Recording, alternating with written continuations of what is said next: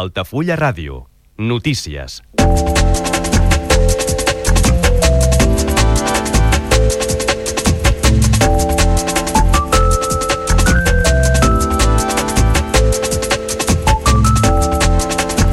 La ciutadania d'Altafulla mostra la seva preocupació pel desenvolupament del tercer fil ferroviari i una xerrada de la plataforma Mercaderies per l'Interior ha posat sobre la taula la necessitat de crear un traçat que no passi per nuclis urbans. L'ànima jove clou la segona edició amb bones sensacions i la vista posada en continuar creixent. Durant el certamen s'han pogut veure més d'una vintena de curtmetratges d'animació, molts d'aquests amb reconeixements arreu del món. Un altafollenc que assumeix les regnes de la Jove Cambra Internacional de Catalunya. Raül Gil es marca com a objectius incrementar l'impacte a la comunitat, formar i desenvolupar el personal, emprenedoria i cooperació internacional. I els millors calçots del món es fan a l'Horta Blanc d'Altafulla, guanyadors del concurs de cultivadors d'enguany. Els productors altafollencs reivindiquen el paper de la pagesia indispensable perquè hi hagi calçots i es pugui celebrar precisament la festa de la calçotada de Valls. Els castellers d'Altafulla són reconeguts com la millor colla de la temporada en la 17a nit de Castells. La revista Castells també ha reconegut indirectament la plaça del Pou d'Altafulla, on s'hi va viure el moment de l'any, el Pilar de Vuit de les Joves de Valls. I els castellers eh, també es reorganitzen amb noves àrees i comissions de treball, com ara la d'equitat. Una assemblea extraordinària ha servit eh, per ratificar la nova Junta i conjurar-se pels reptes de la pròxima temporada. A Roda de Barà aproven els pressupostos per majoria.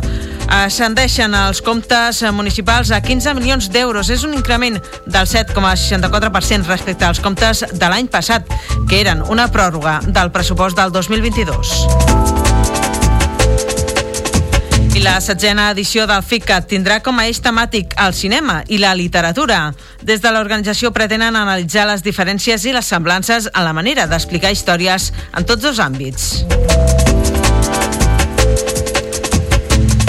Consorci d'Aigües de Tarragona preveu veu possible revertir el mini trasbassament de l'Ebre amb més desaladores i aigua regenerada. Consideren fonamental avançar la millora de la xarxa d'aigua dels municipis per evitar pèrdues i es mostren en contra d'una interconnexió de xarxes. I en esports us destaquem que l'altafollenca Marta Camps revalida la medalla d'or als 3.000 metres femení 50-54 del Campionat de Catalunya Màster en pista coberta. L'atleta del Barcelona l'atletisme fa una marca de 10 minuts i 21 segons 18 centèsimes i es queda a un segon i mig del rècord català que va establir fa 3 anys.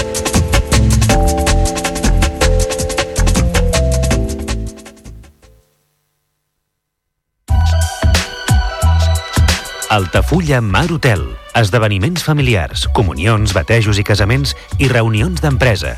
Sales privades amb llum natural, terrassa i accés al jardí, des de 10 fins a 200 assistents. Altafulla Mar Hotel, el teu espai de confiança per a les teves celebracions familiars al barri marítim d'Altafulla. Demana pressupost sense compromís trucant al 977 65 11 55. Altafulla Mar Hotel. Altafulla Mar Hotel patrocina l'informatiu.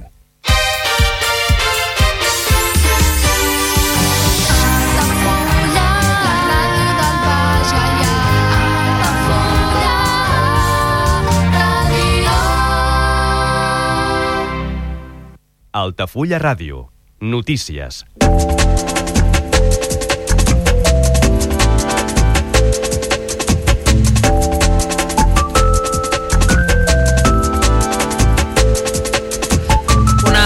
De plens de l'Ajuntament d'Altafulla plena de gom a gom ha estat un bon indicador de l'interès que ha despertat a la ciutadania la situació, la situació en què es troba la construcció del tercer fil ferroviari que pretén donar sortida a les mercaderies de la península ibèrica cap a la resta d'Europa, el que també es coneix com a corredor del Mediterrani. Un interès que es transforma cada vegada més en preocupació pels efectes que podria tenir el pas de mercaderies, un percentatge elevat d'aquestes perilloses, pels nuclis urbans de pobles com ara Altafulla. En aquest sentit, la primera tinent d'alcaldia responsable de l'àrea de salut de, de l'Ajuntament, Eva Martínez, considera que encara manca molta informació, però que cal ser conscients del perill que representaria que un d'aquests convois patís un accident al seu pas per la vila. Crec que és un tema que ens preocupa a tots, ens preocupa doncs, a nivell de, de salut i a nivell del que significa doncs, que infraestructures com aquestes doncs, passin tan a prop del nucli de la població. Estem parlant de trens de mercaderies perilloses doncs, que passen durant la nit i que transporten doncs, diferents de productes químics que si passés algun dia una desgràcia doncs, seria una bomba pel poble i per tots els pobles perifèrics perquè ja sabem que els gasos que transporten doncs, que per res del món es poguessin va haver-hi una catàstrofe com la que va haver-hi en el seu dia doncs, al càmping dels Alfacs. Martínez ha destacat la tasca que es pot fer des de les administracions locals aportant un granet de sorra a la causa, per exemple, amb l'aprovació de mocions de suport als postulats de la plataforma Mercaderies per l'Interior, que al seu torn van ser van traslladar els veïns d'Altafulla a una xerrada encapçalada pel seu portaveu, Eugeni Sedano. El mateix Sedano ha valorat els micròfons d'Altafulla Ràdio que el consistori altafullenc va ser un dels pioners a la lluita contra el tercer fil quan es començava a parlar del projecte cap al 2015 amb un recurs de l'aleshores govern de Fèlix Alonso. L'alcalde va ser molt valent eh, per posar aquest tema sobre la taula i, i reconèixer que el, el Ministeri havia enganyat perquè el Ministeri l'any 2012 2013 va dir que el tercer fil seria provisional i anaven passant els anys, no es feia el tercer fil i quan es va començar a canviar les travesses eh, es va veure que era la via definitiva de posar el tercer carril del, del corredor mediterrani, les mercaderies del corredor mediterrani per la via de la costa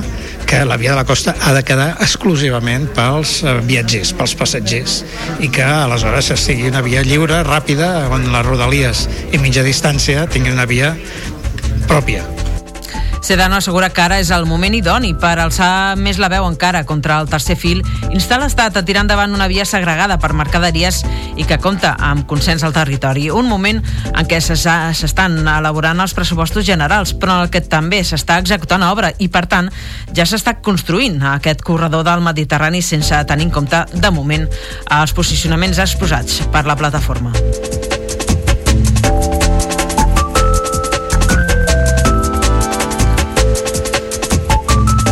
La segona edició del Festival Internacional de Curtmetratges d'Altafolla ja és història. El certamen Anima Jove baixa el taló fent gala del seu propòsit inicial, crear afició al món de l'animació i fer que Altafulla tingui un nom al circuit de projeccions d'aquest tipus de produccions audiovisuals sovint poc explotades mediàticament. Des de l'organització del certamen, Ajuntament d'Altafulla i Direcció Tècnica, a càrrec de Most Wanted Studio, es valora la possibilitat d'acostar al públic general peces destacades en el mercat del curtmetratge d'animació mundial Mundial amb nominades a premis com ara els Òscar o els Goya o en la secció Panorama, com es van poder veure i també amb reconeixements eh, per les obres que es van eh, participar al concurs. És per això que el director del certamen, Joan Rubinat, es mostra satisfet de l'evolució d'aquest festival, molt jove encara, i que el seu parer, a poc a poc, anirà creixent i del qual la població se n'ha de sentir, diu, orgullosa, ja que es tracta d'un certamen singular, la tipologia del qual no existeix a tota la demarcació. Igualment, es fixa en certàmens com l'Ànimac de Lleida, que considera el millor de Catalunya i probablement de l'Estat en aquest àmbit. Jo crec que hem d'estar orgullosos com a poble per tenir aquest producte aquí a Altafulla pensant que és l'únic que es fa d'aquestes característiques a, en, tot a, en tot el Tarragonès, no? Vull dir que és, és, és, un, és un, una cosa per la que estar contents, eh, volem créixer, volem fer-nos, ja que som pioners, fer-nos eh, eh, importants eh, amb el cercle, en el circuit de festivals d'aquí de, de, de Tarragona. Bueno, tenim a la fita, doncs, podem pensar en l'Animac, no? que està a Lleida, no? que és eh, possiblement el festival d'animació més important de Catalunya i, i potser el millor d'Espanya. Eh, bueno, no volem arribar a pensar en una cosa tan grossa, però crec que, que si ens esforcem tots i, i per ara sembla que ho estem fent, doncs podem aconseguir un gran festival.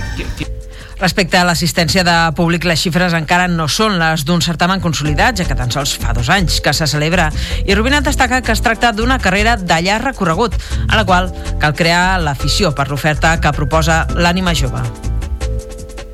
Creiem que és una carrera llarg recorregut, eh, ja contemplem de que, de que els primers anys eh, poden ser una mica més durs perquè estem justament el que et deia abans creant aquesta, aquest, aquest seguidor, aquesta necessitat de veure animació aquí no? Eh, i sabem que no és una cosa d'avui per demà eh, confiem en que la gent que li agrada la cultura del poble i, del, i de la rodalia que vagin pensant no? en, en, en, en el boca-orella no? en el dir, ostres, mira, vam anar al Festival de l'Ànima Jove i va estar molt xulo tot. bueno, confiem en això també eh? I, i jo crec que, que se'ns pot marcar el llindar de l'èxit una mica a vista a 3-4 anys no? una mica, veure si aquesta feina que estem fent eh, acaba tenint eh, com aquests, aquestes floretes no? que apareixin, que seria doncs, anar afegint gent aquí a la Violeta, no?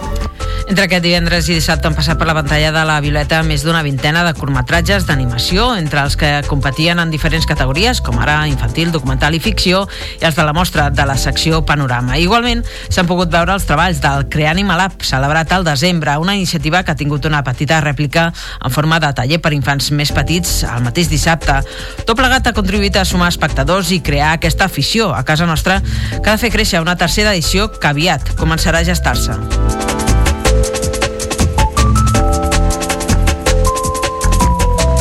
Destaquem ara un nom propi, és el de Raül Gil, que és el nou president de la Jove Cambra Internacional de Catalunya. És altafollenc i va prendre possessió del càrrec el passat dissabte a la seu de Pimec Comerç a Tarragona en un acte emotiu. Ens expliquen que va comptar amb dues vicepresidentes mundials d'aquesta entitat.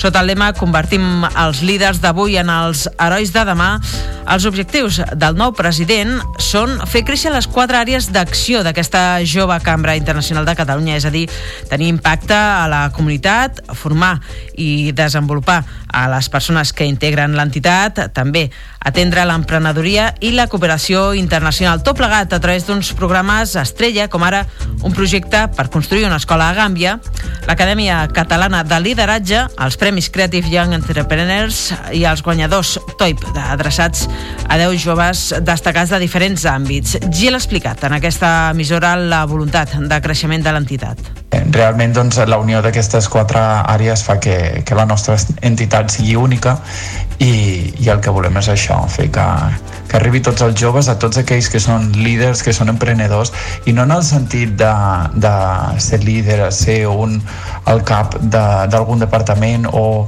o ser emprenedors en el sentit de muntar la seva pròpia empresa, sinó nosaltres ho entenem com aquelles persones que els agrada fer coses, que els agrada tirar endavant projectes que tenen eh, la ment una mica més eh, eh, diferent en aquest sentit, no? de, de, de voler tirar endavant, voler crear canvis, aquests canvis positius i, i millorar la nostra societat.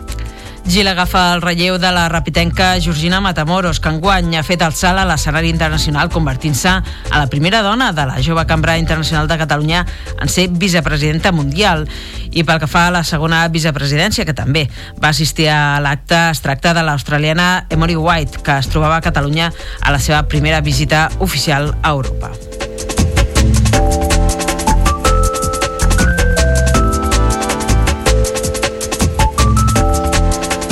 Canviem ara radicalment de qüestió i us expliquem que Horta Blanc d'Altafulla s'ha erigit com la guanyadora al concurs de cultivadors de calçots celebrat aquest diumenge a Valls en el marc de la gran festa de la calçotada.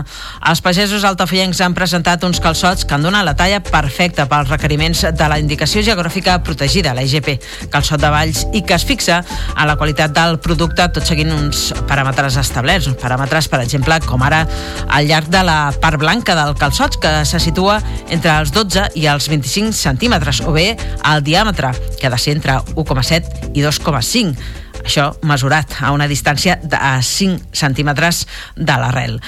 Des de l'Horta, la seva responsable, Laura Blanc, ha explicat a Altafulla Ràdio que el canvi de terrenys de cultiu, passant a fer-se en un camp de regadiu, ha beneficiat la producció d'enguany i també per una part de la ceba, com és la fulla, que ha sortit més verda i vigorosa. També el que influeix és la fulla.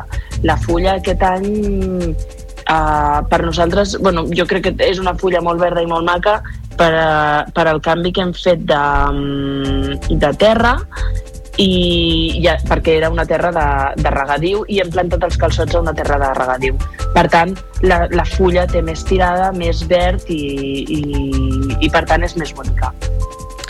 Malgrat la satisfacció d'haver estat guanyadors, eh, Blanc assegura que els calçots de tots els productors de la IGP són bons i ha reivindicat la tasca dels pagesos a la producció de productes que d'una altra manera no existirien i no permetrien, per tant, que existissin esdeveniments com la festa de la calçotada i tot el que genera al seu voltant, amb especial la menció a l'espectacle del concurs per afartar-se de calçots que any rere any pren protagonisme als pagesos. Jo sempre remarco que els calçots, si no els fan els agricultors, eh, no hi ha calçots i per tant no hi ha calçotada, no hi ha festa i no hi ha qui se'ls mengi i no hi ha salsa per acompanyar i tot això.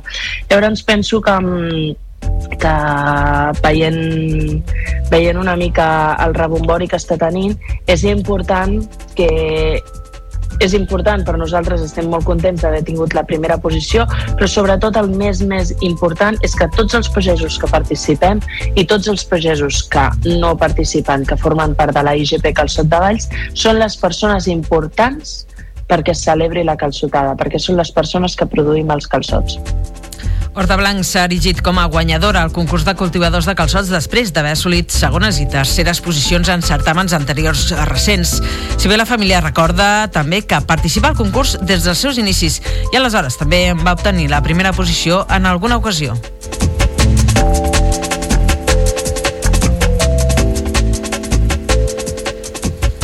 Parlem ara de més eh, certàmens, més eh, premis, i és que la 17a nit de Castells, que reconeix la tasca de les diferents colles al llarg de la temporada passada, ha tingut a Altafulla i la seva colla castellera com una de les grans protagonistes d'un certamen que impulsa, recordem, la publicació de referència del món casteller, com és la revista Castells, i organitzen conjuntament l'Ajuntament de Valls, TAC 12 i la xarxa. Els castellers d'Altafulla han estat designats com la millor colla de la temporada per la seva evolució, apostant pels castells de set i mantenint-los en cartera al llarg de les diferents diades en les quals han participat i especialment per l'assoliment del 2 de 7 que es va descarregar a la plaça del Mercadal de Reus. Des de la colla, el seu president, Arturo Palavecino, s'ha mostrat orgullós del premi i ha valorat la trajectòria de la colla l'últim any, precisament en el que es celebrava també el 50è aniversari.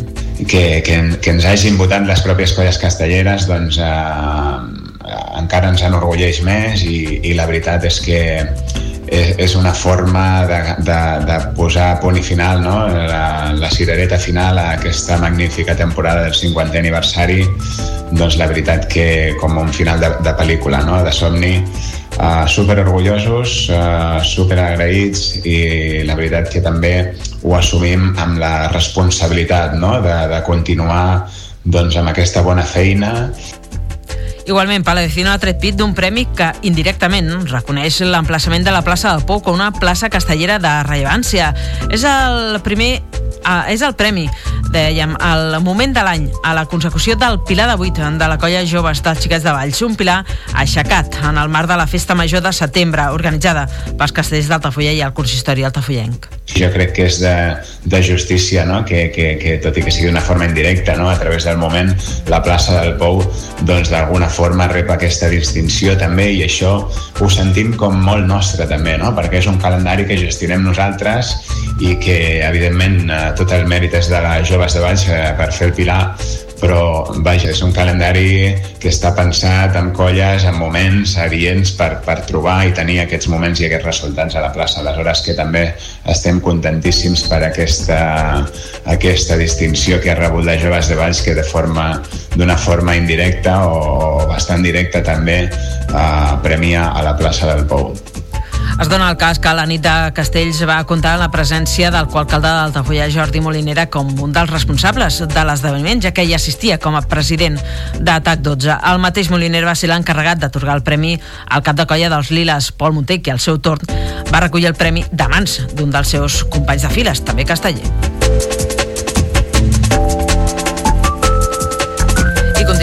Parlant dels castells d'Altafulla que mantenen la seva activitat malgrat estar oficialment de vacances i aquest diumenge s'han reunit en una assemblea extraordinària per acabar de definir com es plantegen els pròxims anys després de l'etapa de Paco Pérez al capdavant de l'entitat durant 10 anys. Així, una de les qüestions que són novetat a la colla és la definició de noves vocalies i comissions de treball que desenvoluparan tasques com la dinamització social o les millores al local. També hi haurà una vocalia de gralles o una altra dedicada ubicada a l'arxiu de la colla. Igualment, s'ha posat fil a l'agulla a la creació d'un pla d'igualtat que tirarà endavant la nova comissió d'equitat.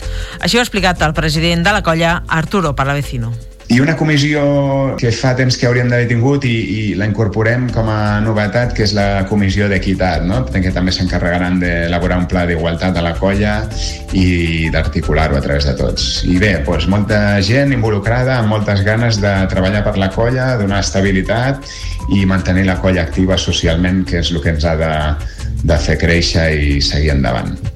L'Assemblea Extraordinària s'ha acabat de definir l'organització de la colla també pel que fa a la Junta Tècnica, que roman pràcticament igual que l'any anterior, i la Junta Administrativa amb la incorporació de Natàlia Molinera i Albert Papell, mentre que manté també membres de juntes anteriors. La Junta Tècnica gairebé no ha tingut canvis, sí que s'afegeix la figura de tecnificació, hi ha hagut alguns canvis a l'equip de canalla i, i alguna incorporació a l'equip de pinyes, i el que és la Junta Administrativa, doncs, Eh, és una mica una barreja entre un, una continuïtat de la Junta anterior i gent nova que s'involucra. En aquest cas, en la vicepresidència tinc, tindrem dues persones, la Natàlia Molinera i l'Albert Papell. Després tenim una àrea econòmica amb diverses persones. Eh, tenim alguna vocalia nova, com és eh, la gestió de patrimoni històric i arxiu, la vocalia de gralles el president dels Lilas confia en continuar la bona feina feta els últims temps en la colla i poder continuar creixent i dinamitzant l'entitat més enllà de l'activitat exclusivament castellera. I anem ara fins a Roda de Barà perquè el ple de l'Ajuntament ha aprovat per majoria el projecte de pressupostos presentat per l'equip de govern amb els vots a favor dels regidors i regidores de Tria Roda també. Els comptes per aquest any ascendeixen a 15 milions d'euros, la qual cosa suposa un increment del 7,64% respecte a l'any anterior. Es tracta d'un milió d'euros més si tenim en compte que eh, l'any passat era un pressupost prorrogat del 2022. El pressupost a aquest document presenta un equilibri entre les despeses i els ingressos, entre allò que s'executarà a través de l'obra de govern i la realitat de l'entorn més eh, proper. Els comptes s'han adaptat a la realitat actual, a l'increment sostingut de molts preus que afecten la gestió dels recursos municipals de manera molt directa, com poden ser, per exemple, els de l'energia, el dels combustibles o també els dels materials de construcció. I no ens movem de roda, però en plana cultural us expliquem que la setzena edició del Festival Internacional de Cinema en Català, el FICAT, tindrà com a eix temàtic el cinema i la literatura.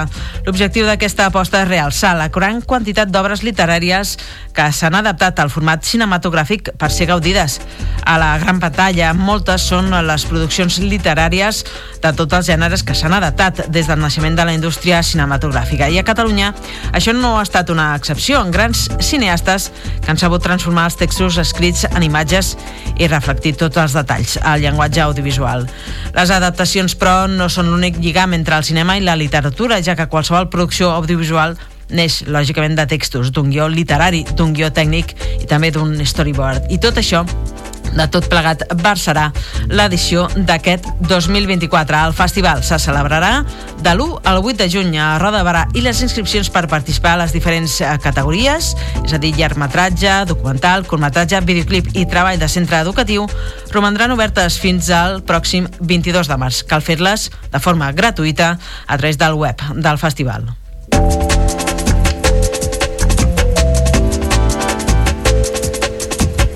I obrim eh, la mirada a la resta de la demarcació de Tarragona i us eh, parlem del Consorci d'Aigües de Tarragona i concretament del seu president Joan Alginet que afirma que revertir el mini trasbassament de l'Ebre és possible amb més desaladores i aigua regenerada. Ha estat, són unes declaracions eh, fetes en una entrevista a l'Agència Catalana de Notícies a l'Agència Catalana de Notícies, dèiem, a la on ha explicat que aquesta estratègia permetria reduir la dependència del Camp de Tarragona de les Terres de l'Ebre. També considera fonamental avançar la millora de la xarxa d'aigua dels municipis per evitar pèrdues. O podem parlar de reversió en complicitat de l'administració hidràulica de Catalunya i en accions com eh, reutilitzar l'aigua com va estar fent la indústria del Camp de Tarragona, que cada vegada necessitarà menys aigua de l'Ebre, per tant jo crec que és convenient i necessari, en, eh, en accions complementàries com la desaladora del Foix o la desaladora de, que es podria construir a la zona de Tarragona ciutat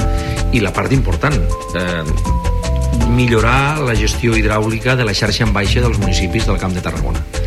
El president del Consorci d'Aigües de Tarragona s'ha manifestat en contra d'una hipotètica interconnexió de xarxes i davant les suspicàcies de col·lectius com la Plataforma en Defensa de l'Ebre ha assegurat que la futura desaladora del Foix no permetria connectar la xarxa de l'Ebre i la del Ter Llobregat. I d'altra banda, el president del CAT ha defensat els projectes per fer arribar l'aigua del ministre Sassament a municipis de l'interior de la Conca, com ara l'Espluga.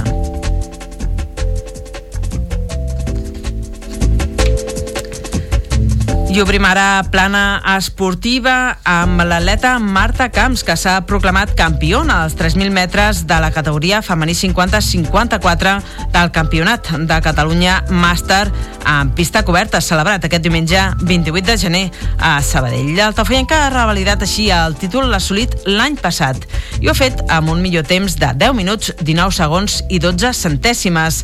L'atleta del Barcelona Atletisme ha superat la marca que va fer l'any passat a la mateixa prova a una marca en què va fer 10 minuts, 21 segons i 18 centèsimes. Dit això, el més destacat és que s'ha quedat a un segon i mig del rècord de Catalunya que va establir ella mateixa fa 3 anys. Per tant, és una nova actuació de mèrit superant-se a si mateixa una vegada més. La victòria al Campionat de Catalunya Màster en pista coberta ha arribat dies després que la Reial Federació Espanyola d'Atletisme donés a conèixer que Camps és una de les tres finalistes del Premi a millor atleta femenina màster del 2023. Les votacions ja s'han tancat i la guanyadora es donarà a conèixer el 27 d'abril. És el dia previ a l'Assemblea General a la gala de la Reial Federació Espanyola d'Atletisme, juntament amb els premiats i premiades de les altres categories. I en futbol, el Centre Esports Altafulla ha iniciat la segona volta del grup 17 de tercera catalana de la mateixa manera que ho va fer a la primera amb un empat a dos gols davant del Baimoi. L'única diferència amb aquell partit de mitjan setembre ha estat l'escenari, el feu de l'equip del conjunt de l'Alcamp. Per tant, els altafollencs han sumat un punt molt valuós en un camp de màxima dificultat. Ho han fet amb un gol de darrera hora d'Eric Navarro al minut 88 de lliure directe que ha premiat la bona actuació col·lectiva contra el tercer classificat. Prèviament, els locals havien remuntat al 0-1 d'Aaron Doblado al minut 36, que havia premiat el bon primer temps de, de l'equip, com ha explicat el tècnic Jordi Mercader en declaracions al programa Baix Gaia Esports. Els de l'Alcamp, com dèiem, han capgirat el marcador el segon temps amb un gol en pròpia porteria de Doblado al minut 47 i una diada d'Àlex Neff al 70, fill de l'històric davanter Daniel Neff.